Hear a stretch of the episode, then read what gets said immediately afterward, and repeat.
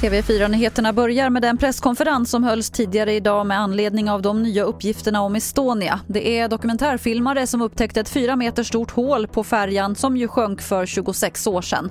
Lars Ångström, före detta riksdagsledamot i försvarsutskottet, tror att det är ett militärt fartyg som kört in i sidan på Estonia. Hade det varit ett civilt fartyg så hade vi känt till det. Det hade inte funnits några skäl till att hemlighålla den olyckan eller orsaken till olyckan. Och därför så är min slutsats att det här handlar om ett militärt fartyg. Och mer från presskonferensen om Estonia finns på tv4play.se.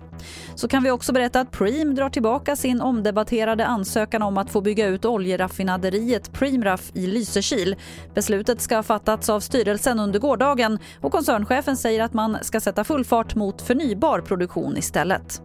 Och till sist kan vi berätta att en fånge på Kumlaanstalten har fått amputera foten efter att inte ha fått rätt vård.